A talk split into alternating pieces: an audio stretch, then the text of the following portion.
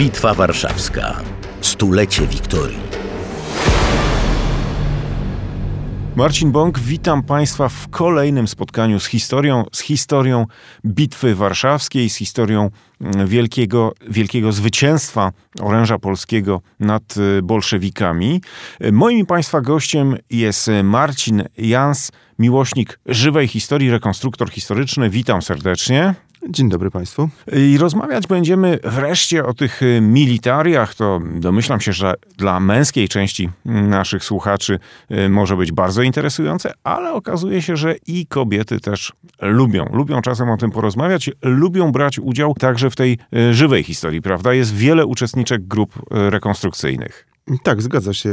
Są nawet i wyłącznie żeńskie grupy rekonstrukcyjne. Nawet tutaj w Warszawie takim przykładem jest Bluszcz, prawda? E, zgodnie z nazwą nawiązuje ona w jakiś sposób do pisma Bluszcz, które tak. wychodziło w dawnych e, czasach. Panie poświęcają mnóstwo uwagi kwestiom mody, stroju, zgodności tych strojów, które e, zakładają z tym, co można było znaleźć w źródłach historycznych sprzed kilkudziesięciu lat. Trój militarny, czyli mundur, to jest coś, co towarzyszy żołnierzowi od stuleci. Odwołam się tutaj do wyobrażeń państwa, bo wyobrażenia kształtowane są w dużej mierze przez e, film fabularny. Na filmie fabularnym o Bitwie Warszawskiej e, mieliśmy taki, taki ciekawy obraz tej polskiej armii. Różne oddziały występowały w najróżniejszych mundurach. Były mundury szare, były mundury zielone, były mundury wręcz nawet kolorowe, szwoleżerów czy ułanów z takimi pięknymi kolorowymi wyłogami z przodu na piersi. To pewno ułatwiało zresztą strzelcom e, strony przeciwnej pracę. Jak to się stało, że ta armia w 20 roku ruszyła do wojny w tak pstrokatych y, mundurach? No, sprawa wyglądała w ten sposób, że hmm, trzeba pamiętać, że Polski nie było na mapie świata. E, byliśmy pod zaborami i jakby te mundury to jest jakby pozostałość po wojskach zaborczych, tak, bo jakby ci chłopcy, którzy brali udział właśnie w Bitwie Warszawskiej, w Bitwie roku 20, e, zazwyczaj odbywali służbę e, u każdego z zaborców i stąd właśnie ta różnorodność tych mundurów. Aczkolwiek i w, trzeba powiedzieć, że już wtedy w 20 roku też jakby swoją premierę miał pierwszy polski mundur. Właściwie mhm. dwa wzory, bo wzór 17 i wzór tak zwany XIX, zielony.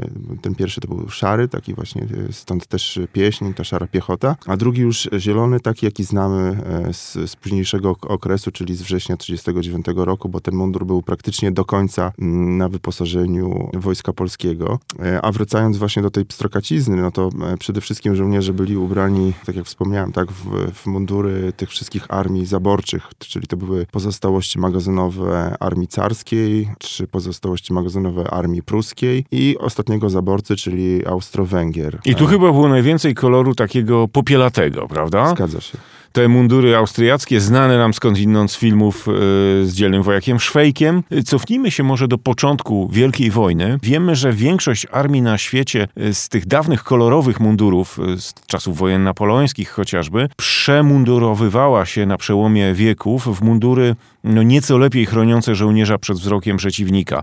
Jedna tylko armia poszła do wojny w 14 roku w mundurach kolorowych, to była armia francuska, bardzo szybko zorientowała się, że to nie jest najlepszy pomysł, ale te mundury z wojny, Wielkiej Wojny, z I wojny światowej, one w wielu kwestiach były jeszcze mocno niedopracowane. Dzisiejszy żołnierz popatrzyłby na nie z, z politowaniem. To był dość długi proces dobierania koloru, dobierania pewnej funkcjonalności, prawda? Ja jeszcze tylko e, dopowiem, że nie tylko Francuzi, ale też Prusacy. Armia pruska też e, niestety się trochę, troszeczkę sparzyła, ponieważ e, armia pruska została wysłana na front w mundurach wzór, tak jest określany, M08 8, czyli jak to sugeruje, to jest ostatnia cyfra daty, czyli to był wzór 1908 rok i no, te mundury niestety e, miały jeszcze dużo właśnie z tych takich e, mundurów e, właśnie wcześniejszych, takich eleganckich. Ale już były zielone. One były takie właśnie feldgrau, tak, tak to się określa ten kolor, to jest taki szaro-zielonkowawy, taki coś takiego, tak, tak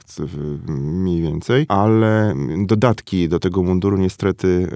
E, Dalej były kolorowe i widoczne. Tak, złote guziki, e, duży duży, na Pickelhaubie duży e, orzeł pruski, który był idealnym celem dla, właśnie dla, dla strony przeciwnej, ale Niemcy bardzo szybko się zreflektowali i jakby no, mm, na Pickelhauby mm, zaczęto szyć pokrowce takie szare, z tyłu właśnie umieszczano numery pułków, żeby też, bo te numery były pierwotnie z przodu, ale to też zdradzało, bo one były bardzo duże, więc później naszywano je z tyłu, więc zakrywano co tylko można było. Oczywiście później zrezygnowano z tych kolorowych mankietów, e, z, ze wszelkich lampasów. No późniejsze mundury, bo to był wzór e, później M015, już nie posiadał właśnie tych, tych, tych e, guziczków. Wszystko było jak, jak, jakby maskujące, tak? Czyli jak No największa właśnie, ilość rzeczy wreszcie maskujących. padło to słowo maskowanie. Mhm. Coś, czego w poprzednich y, wojnach, w poprzednich epokach praktycznie nie było. Raczej żołnierz miał być kolorowy, widoczny z daleka. Dbano o to, żeby armia się świetnie prezentowała w polu. Ale tutaj właśnie na początku XX wieku mamy już sytuację zupełnie odwrotną. Żołnierz ma się wtapiać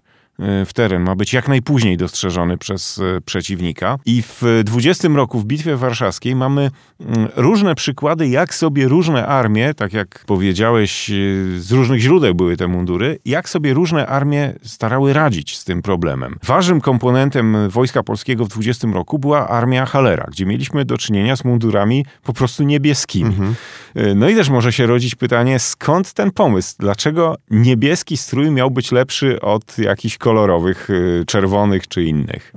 Znaczy tu akurat y, armia cholera nie, nie za bardzo miała wyjście, ponieważ oni zostali umundurowani We francuskie. we francuskie, tak. więc y, jakby y, nie mieli możliwości za bardzo się jakby tutaj y, ubrać w inne mundury. Natomiast ja jeszcze dopowiem taką rzecz, że właśnie tak naprawdę to w, w 20 roku po procesie właśnie Wielkiej Wojny to tak naprawdę wszystkie armie nauczyły się tego maskowania. Powiedzmy tych mundurów takich e, innych, kolorowych, niebieskich, czy jakichś takich właśnie, powiedzmy, z, z dawnej epoki było naprawdę bardzo niewiele.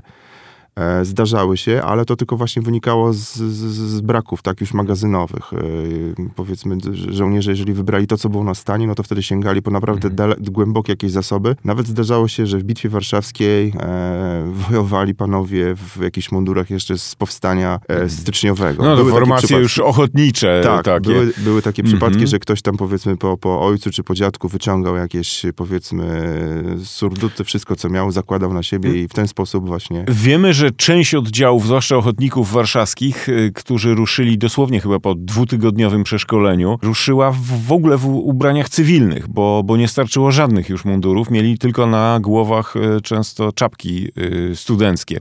Wtedy studenci chodzili w, w Tak. czapkach. Natomiast mm, spora część oddziałów była dość dobrze wyposażona, dobrze uzbrojona. Te oddziały, które szły z poznańskiego, oddziały mm, wielkopolskie, czy właśnie Armia Hallera, oni mieli mm, nie tylko porządne mundury w różnych rzecz jasna kolorach, yy, tak jak yy, tu mówiliśmy, zależało z jakiej armii pochodziły, ale yy, wyposażenie, mm, to oporządzenie żołnierskie, broń, to wszystko było na dobrym poziomie. Nawet mieli hełmy. Wtedy nowość, prawda? Od paru lat dopiero na polach bitew się pojawiły ponownie hełmy. No trzeba pamiętać, że mm, mm, jeżeli chodzi właśnie o takie dodatki, hełmy, czy, czy właśnie jak uzupełniano to braki mundurowe, to też y, tutaj mm, jakby trzeba się cofnąć do I wojny światowej, kiedy Amerykanie zostali w, jakby wplątani w cały konflikt. E, No i wiadomo, cała, cała walka odbywała się w Europie, więc oni musieli wysłać tutaj bardzo duży kontyngent i z tym się wiązało też zaopatrzenie. I oczywiście Amerykanie jakby troszeczkę wyprzedzili ilość jakby ludzi, którą tutaj e, wysłali, w sensie, że Mieli wysłali więcej dużo wojska więcej niż sprzętu. Wysłali, nie, właśnie wysłali bardzo dużo więcej sprzętu, Aha. aniżeli ludzi. E, Po prostu kilka statków przypłynęło właśnie z dodatkowym umundurowaniem, z dodatkowym uzbrojeniem. No a wojna się szybko akurat skończyła, bo oni tak naprawdę brali udział w końcówce, więc to wszystko e, zostało. I tutaj właśnie my sięgnęliśmy po te zapasy, które zostały właśnie we Francji i to do nas właśnie przy, przyjechało, także no też właśnie taka ciekawostka, często ludzie znajdują gdzieś właśnie na polach bitwy, gdzie się odbywała właśnie Bitwa Warszawska, mm, ze zdziwieniem e, na przykład guziki e, amerykańskie, tak? No i się zastanawiają skąd ten guzik tutaj mógł się e, wziąć. A właśnie taka jest historia, że, że to są właśnie te sorty, to jakby uzupełnienie właśnie z tego kontyngentu amerykańskiego, to co udało się tam zakupić, czy nawet część się udało po prostu otrzymać z armatu. To było bardzo ważne, bo też nie do końca byliśmy tak idealnie wyposażeni, bo na przykład w momencie, kiedy był tak zwany zwany e, manewr e, niemeński, słynna bitwa właśnie tam o We wrześniu. Tak, no to niestety mm, jakby tutaj tą naszą przegraną przypłaciliśmy tym, że, że właśnie tam niedostatecznie byliśmy przygotowani, ponieważ żołnierze nie mieli butów, brakowało amunicji, brakowało takich no, podstawowych rzeczy I, i, a to naprawdę i to mm, jakby no, dowództwo mm, szybko zauważyło, że żołnierz właśnie niedostatecznie przygotowany, właśnie wyposażony, no niestety nie jest w pełni sprawny, tak, a szczególnie te buty, bo to były już chłodne noce i to bardzo doskwierało i, i dlatego no w, jakby tu, nawet Piłsudski tak się przypisuje, że to on powiedział, że zwycięży tutaj ta armia, która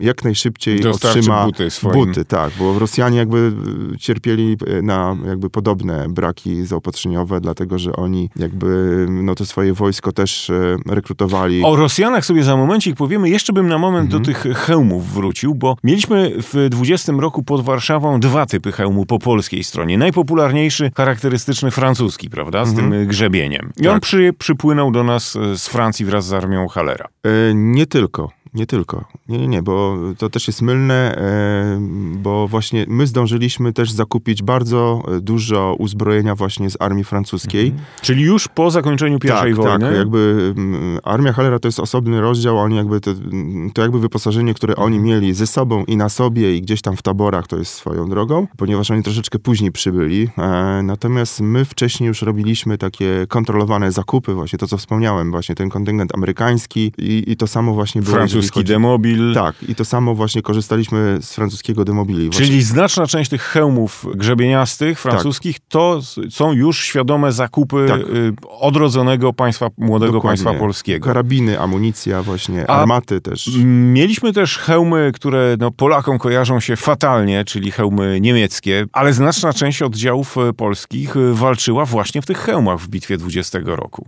Tak, tak zwane rogacze, e, Stahlhelm, właśnie znany, bardzo e, charakterystyczny hełm niemiecki. No ale tak jak właśnie wspomniałem, e, tych hełmów bardzo dużo właśnie pozyskaliśmy z Wielkopolski. E, no wiadomo, em, słynne m, powstanie wielkopolskie, tak, w grudniu, które... które Też duża część magazynów wygrane. wpadła w ręce Tak, polskie. przejęliśmy właśnie bardzo dużo magazynów i stąd właśnie też mundury, hełmy, uzbrojenie, bo też właśnie bardzo dużo karabinów e, wpadło nam w ręce i to bardzo dobrych e, karabinów. Bo Lotnictwo. Dokładnie też, lotnictwo. E, no więc właśnie stąd są te hełmy. I te hełmy chciałem powiedzieć, że one bardzo długo były, bo te hełmy praktycznie do 39 roku były... mm, Brygada. Maczka, zdaje się, Dokładnie, miała te hełmy, tylko przemalowane na zielono. Tak, natomiast tutaj załatwiono sprawę w ten sposób, że akurat w Bitwie Warszawskiej to, żeby jakby no, to się źle nie kojarzyło i też, żeby jakby między sobą oddziały się też y, widziały, to te hełmy właśnie miały z przodu takiego wielkiego e, białego orła i zazwyczaj albo on był malowany, albo był przyczepiany, taki odlewany, duży właśnie. Dospawany w jakiś Tak, sposób do tak, hełmu. tak, tak. No a jak to wyglądało właśnie pod stronie drugiej, bo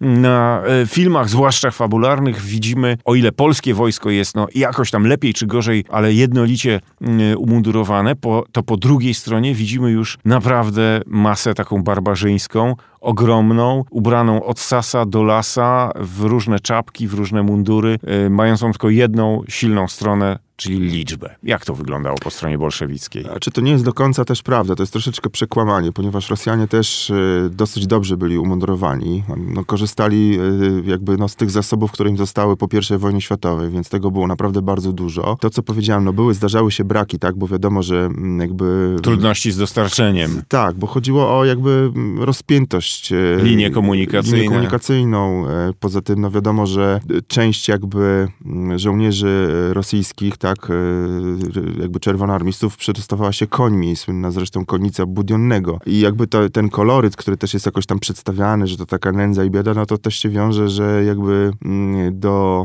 tej bandy, bo nie wiem jak to tak inaczej nazwać, do działu, no może tak, Budionnego, e, no po prostu przychodzili z różnych jakby jednostek, tak, w Rosjanie też, znaczy w Rosji carskiej jeszcze też mieliśmy duży koloryt i duży jakby, dużą różnorodność I jednostek. Stąd ta konnica Budionnego, Tak. która się tak najbardziej zapisała w zbiorowym i stąd pamięci Polaków Też taka taka... różnorodność, dlatego że no, Mhm. jakby rozpiętość tych różnych mundurów, różnych frakcji była tak e, duża, że jakby w momencie, kiedy się to wszystko zebrało do kupy, tak, i, i widzieliśmy taką, nie wiem, no Mhm. konicę tam e, 300 ludzi, no to faktycznie mi, miało się wrażenie, że to jest... Niemniej były też formacje jednolicie wyposażone, uzbrojone, także po obu stronach zdarzały się braki, ale obie armie starały się mieć charakter armii e, regularnych. Na dzisiaj to już e, koniec w naszej audycji o Bitwie Warszawskiej, ale do tematów militarnych na pewno wrócimy jeszcze nieraz, rozmawiając e, o wyposażeniu, o uzbrojeniu, o tym, jak to wszystko działało. E, Dzisiaj bardzo Państwu dziękuję. Dziękuję także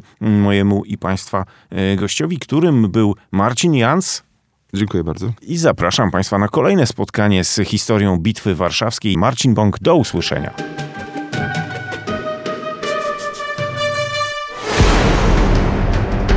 Dofinansowane przez Polską Fundację Narodową.